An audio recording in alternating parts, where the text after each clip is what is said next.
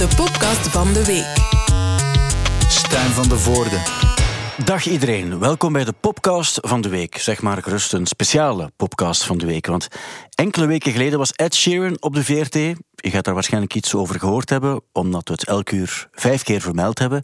En hij was hier om te vertellen dat iedereen moet kunnen zijn wie hij of zij is, of X is. Ook al ben je dus wat nerdy of heb je roze haar, dat moet allemaal kunnen. En dat is een mooie boodschap, niets op tegen uiteraard. Maar daarnaast is Ed Sheeran natuurlijk ook een singer-songwriter die vandaag een nieuw album uitbrengt, Equals. En na Plus in 2011, Multiply in 2014, Divide in 2017, is er dus opnieuw een album met een vrij wiskundige titel. Ed Sheeran wilde ook graag over muziek praten, want hij is natuurlijk meer dan iemand die de wereld wil verbeteren. Hij vroeg specifiek om met iemand te praten die een muzikale podcast heeft. En zo is er natuurlijk maar één echte in België. Een grote eer dus voor de podcast van de week, want je kan van Ed Sheeran zeggen wat je wil, maar hij is een wereldster. Een van de populairste muzikanten op deze aardbol. De feiten bewijzen dat bijvoorbeeld Shape of You is het meest gestreamde nummer aller tijden op Spotify. En zijn vorige wereldtour was de grootste en meest lucratieve uit de muziekgeschiedenis. Divide, zijn album uit 2017, was de best verkochte vinyl en zo kan je nog wel even doorgaan. Uh, Ed Sheeran die een album uitbrengt, dat is dus een belevenis omdat de impact op de muziekwereld zo groot is. Toen Divide uitkwam, stonden alle veertiende nummers van het album in de top 15 van de Britse muziekcharts. Enkel Something Just Like This van Coldplay en Chainsmokers vervolledigde de top 15. Dat was nog nooit gebeurd. Ook in België stond zijn vorige album 11 weken op 1 in de ultratop. Dat is gigantisch. Een nieuw album van Ed Sheeran is dus een belevenis. Ook voor de popcast van de week. Nu is er dus de plaat getiteld Equals. En Sheeran schreef in de lockdown eigenlijk twee albums. Geïnspireerd door het moment. I was working on two albums, the final two records in the in the the five plan, um, and yeah, it just life felt different um, when I was making the other one. Life was a bit more bleak. It was it was locked down. It was everything was quiet. It was just me at, at my house. And then as the world started opening up, more songs started turning up in my head for equals. And then Bad Habits came.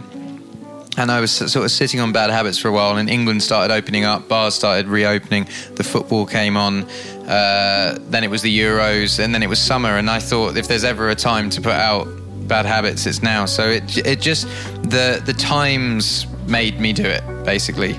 And I think if lockdown would have carried on, it would have been the, the other record.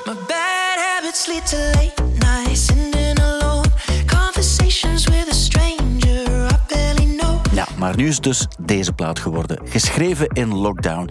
Je zou denken, dan valt er toch niets te beleven. Hoe vind je inspiratie in een tijd waarin ons leven ja, eigenlijk gewoon stilstaat? Well, weirdly, actually, more living happened than than than ever, it, and it, and there's more to write about. Like I had a friend die in lockdown that lived in Australia, and I had to find a way to get to Australia for his funeral and quarantine and blah. And that's like real with my six month old daughter, and that's like real life stuff that that happens that was sort of made more real life by lockdown. So yes, lockdown was a muted existence of not really doing things every single day, but real life was still going on. People were still losing loved ones, and people were still getting ill. And you know, I, I had my daughter in lockdown. Um, yeah, I just a lot of real life shit happened. I think. When things like that happen, very personal things, you can transform them maybe in some kind of way in, in songs. But then there's always a question how personal can those songs be in lyrics, for example? Um, yeah, I mean, I've I've always I've always erred on the side of making personal songs because whenever I've made personal, like really personal songs, they've been the ones that people have connected with the most. So I've never really like, I've never really shied away from it. Sometimes I've gone a bit too personal and wished that I hadn't. But yeah, I think it's people just connect with like raw raw emotion, and sometimes the way you feel is the way you feel, and that's what's what should be put into song first, rather than editing it and being like, oh, I can't say that or I can't say this. It should just be an uh, an unfiltered um, explanation of how you're feeling at the time. You know that when you put a song out that people will listen to it and they uh, will always uh, try to find some meaning. Is that something you think about more now? Um, no not with songs to be honest. Not with songs. Definitely with what I put out there on social media. Like if I was to post something on Instagram or even I don't use Twitter anymore, but if something was was to go on Twitter or music video, stuff that has nothing to do with music, I think is the stuff I don't really know how to navigate. And um, I find that when stuff is on a massive scale, it's difficult sometimes to pull it back if you do if you do the wrong thing. But I think with music, music's such a constant flow of like if I put out something that doesn't do well, I'll just put out something else the next time. You know, it doesn't really like it's. Yeah, I don't really know. I don't really know. Er viel dus best wel wat te beleven tijdens de lockdown. Vrolijke dingen zoals een geboorte, maar ook het overlijden van een vriend. De vriend waar hij over spreekt is Michael Gudinski. Een Australische manager en promotor die heel belangrijk was voor heel wat Australische artiesten, zoals bijvoorbeeld ook Kylie Minogue. Gudinski overleed op 2 maart dit jaar op 68-jarige leeftijd, ja, gewoon in zijn slaap. 22 dagen later speelde Sheeran het nummer Visiting Hours voor het eerst op zijn begrafenis, dus in Australië. Kylie Minogue doet de backing vocals op het nummer, mede als eerbetoon aan Gudinski. I wish that heaven had visiting hours so I could just swing by and ask your advice. What would you do in my situation? I haven't a clue how I'd even raise them. What would you do? Cause you always do what's right. Ed Sheeran weet hoe je een goed liedje schrijft. Mocht hij dat niet weten, zou hij ook niet zo extreem succesvol zijn. Vandaar dus ook deze niet onbelangrijke vraag. How do you write songs? well, I think the I think the way to write a perfect song is to write write a lot of them because you know I write a lot of songs that are pretty shit and there's it's kind of law law of averages. I think it's uh, I I think the best advice that I could give a new songwriter is dare to suck. You have to dare to be shit. You know, walking into me walking into a studio and being like, I have to write thinking out loud again. You're not going to write thinking out loud again. If I walk into a studio and go, uh, this might suck, this might suck, but this is my idea. Usually, it's it's all right. So um, I, I think yeah, that's the the cr- the code to cracking writing a good song is not being, not trying to chase a hit and not being self conscious about it and not feeling like not you know people will see me as a big songwriter but i have shit ideas too and sometimes like What is the shittiest that you ever had? oh mate all the time all the time. I, I i remember the day that i wrote bad habits we probably wrote four other songs and the last song wasn't very good. And i remember writing bad habits in the morning and then writing this other th- song in the evening and then driving home being like oh man i, I can't do it anymore. I can't write songs anymore. I suck. But i'd just written my first single the the, the morning before. So but I, I think the songwriting is that. Songwriting is not a perfect art form where every time you get a home run slam dunk songwriting, is a very trial and error thing.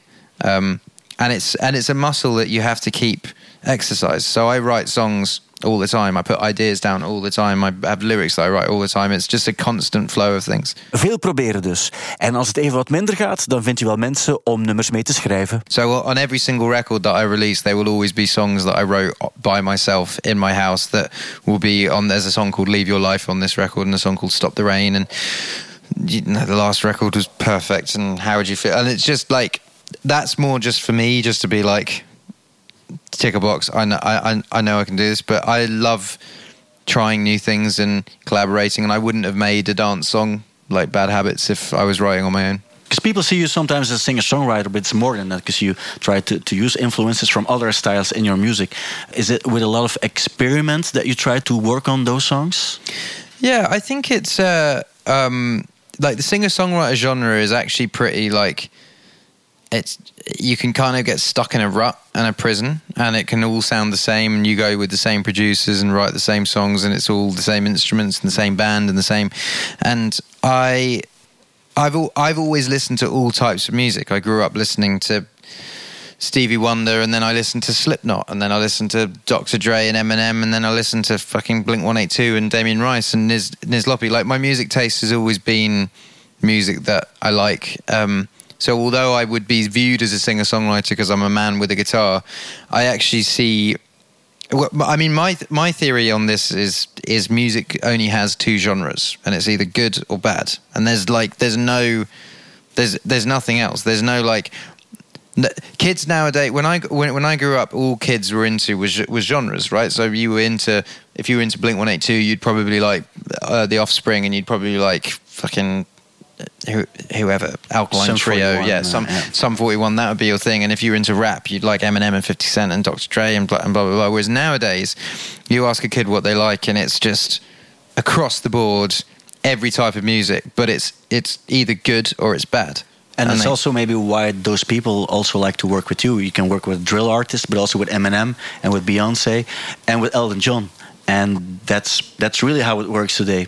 Yeah, well, I've you know I've uh, I I always have a lot of people very confused at how I even get in rooms with these people because people kind of see me as quite uncool and whatever. But I think the most uncool thing is trying to be cool, and I think I've always been myself, and that's why I would fit in a room with Fifty Cent and Eminem because they're both being themselves as well.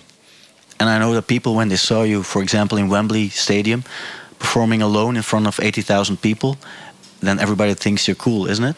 No, no, no, I'm yeah, kind but of- you have to do it. I mean, who who would dare to do that? Even when you're in a band, some people would be rather afraid to stand there alone. I, I guess so, but I get so many detractors of on any sort of success I have. People go, "Yeah, but."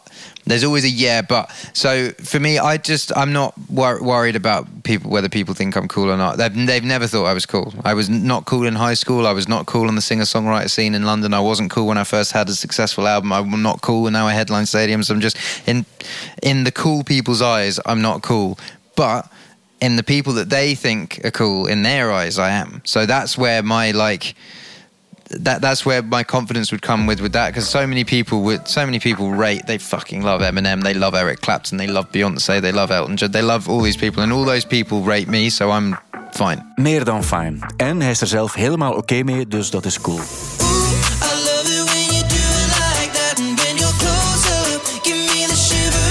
We kennen al heel wat nummers uit het album. Shivers met de clip waarin hij een soort van Elton John-imitator speelt.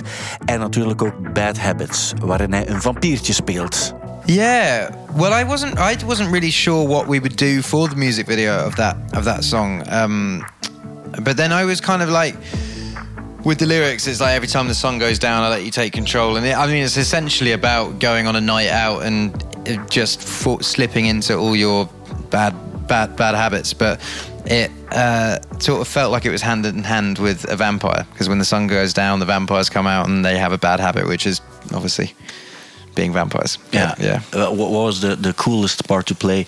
In this video, uh, you, you play the vampire. Then you have another video in, we, in which you can play uh, Elton John uh, in Shivers, uh, which is somebody you, you know personally. Yeah, yeah. Me, Um, and, me, me and Elton have a song coming out in um, two, mo- two months today, actually. My album comes out October 29th, and then after that, yeah, we've got like a month of. We shoot a video, and yeah, do all of that. It's going to be fun. Nou, hij heeft dus ook een nummer gemaakt met Elton John. Dat krijgen we binnenkort te horen. Het is een kerstnummer, dus dat wordt eh, iets speciaals. Een van de meest bijzondere nummers op het album is het eh, nummer First Times. Daarin vertelt hij over die ene keer dat hij Wembley Stadium uitverkocht en achteraf niet noodzakelijk veel voelde. The first kiss, the first night, the first song that made you cry, the first drink, red wine on a step in Brooklyn. I still feel the first fight.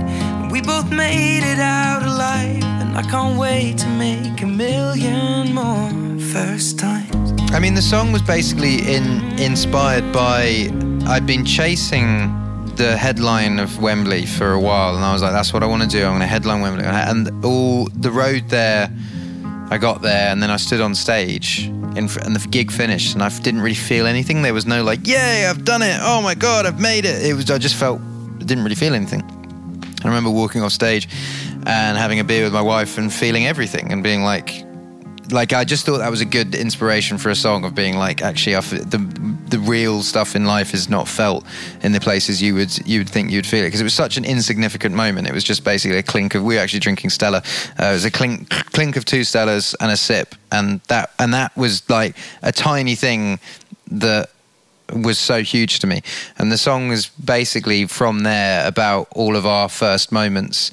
Um, which you know still come today. I mean, we've we've been married for three years and we've been together longer, and uh, we're still having first times. We're still having f- like the first time we try this food or the first time we've been to this country. And what's wonderful, the last line of the song is, and our first child, and then a million more first first times is basically now we're seeing the first time Lyra takes a step, the first time she feels rain on her face, the first time she splashes in the bath, the first time she says a word. You know, there's it's uh, um, it's quite magical thinking of the first times. You're you're you're married. You have a partner. I have a daughter too. Yeah. Yeah. So you Yeah. you.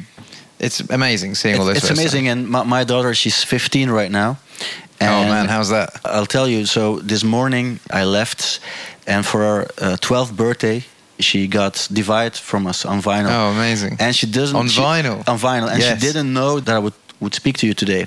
So I took it with me. And I thought, well, I'm going to ask you to sign it. and I'm not yeah. going to say anything to her. I'm just going to put it back. And when she takes it out the first time, she'll see it.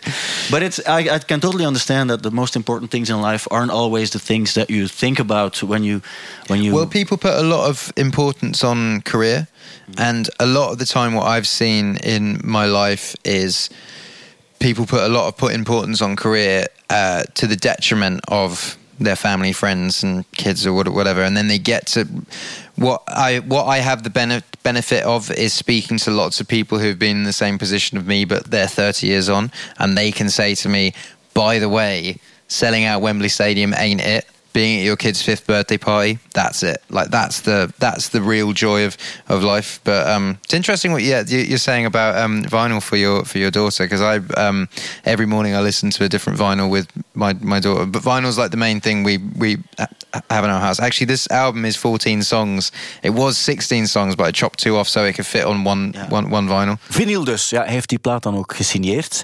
Met een vriendelijke persoonlijke boodschap bij. En een tip voor een andere plaat die hij dus ook goed vindt te kopen. White Leather van David Gray. Een plaat die ze dan zelf mag kopen met haar zakgeld. Het openingsnummer van het nieuwe album Equals kreeg de titel Tides. En ook hier was de geboorte van zijn dochter Lyra, Antarctica, Seaborn, Sheeran een belangrijke inspiratiebron.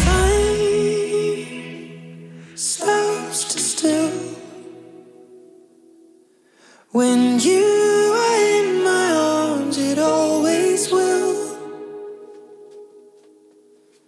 life, life is changing.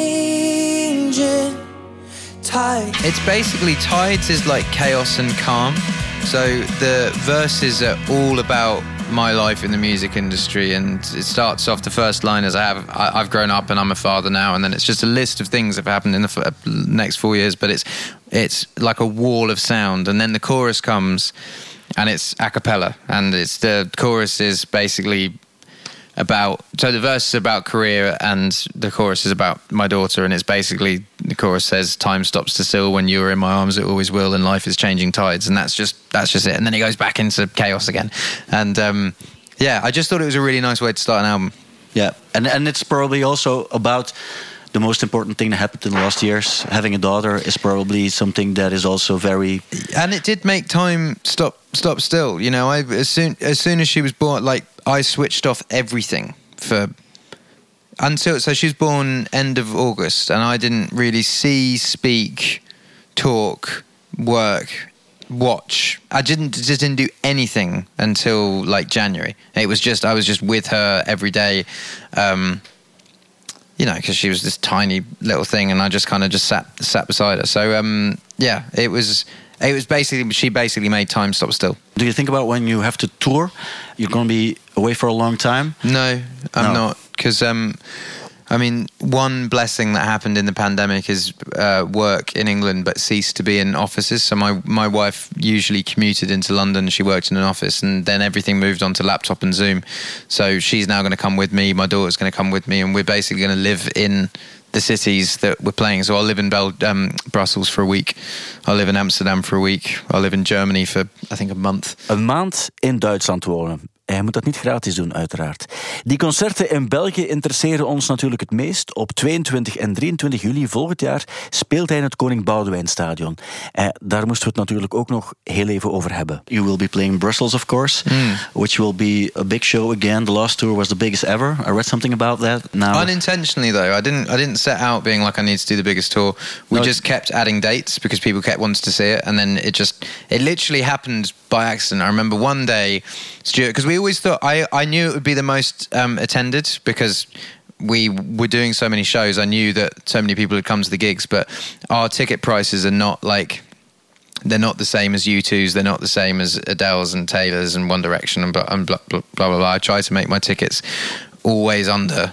Um, always under. So I didn't think we'd get the gross, um, and it just kind of happened by, by accident. But I think this time is this time isn't about attending all gross. It's just about doing a great show. Do you have something special planned? It's in the round, um, and it's it's a it's a new kind of stage. It's a new kind of stage. It's a new kind of watching the stage. A new kind of way of hanging the speakers so everyone can see. There's no sight lines that that you can't see from, and the stage is pretty amazing bit of equipment. Um, cost an absolute fortune, but it's it's it's great.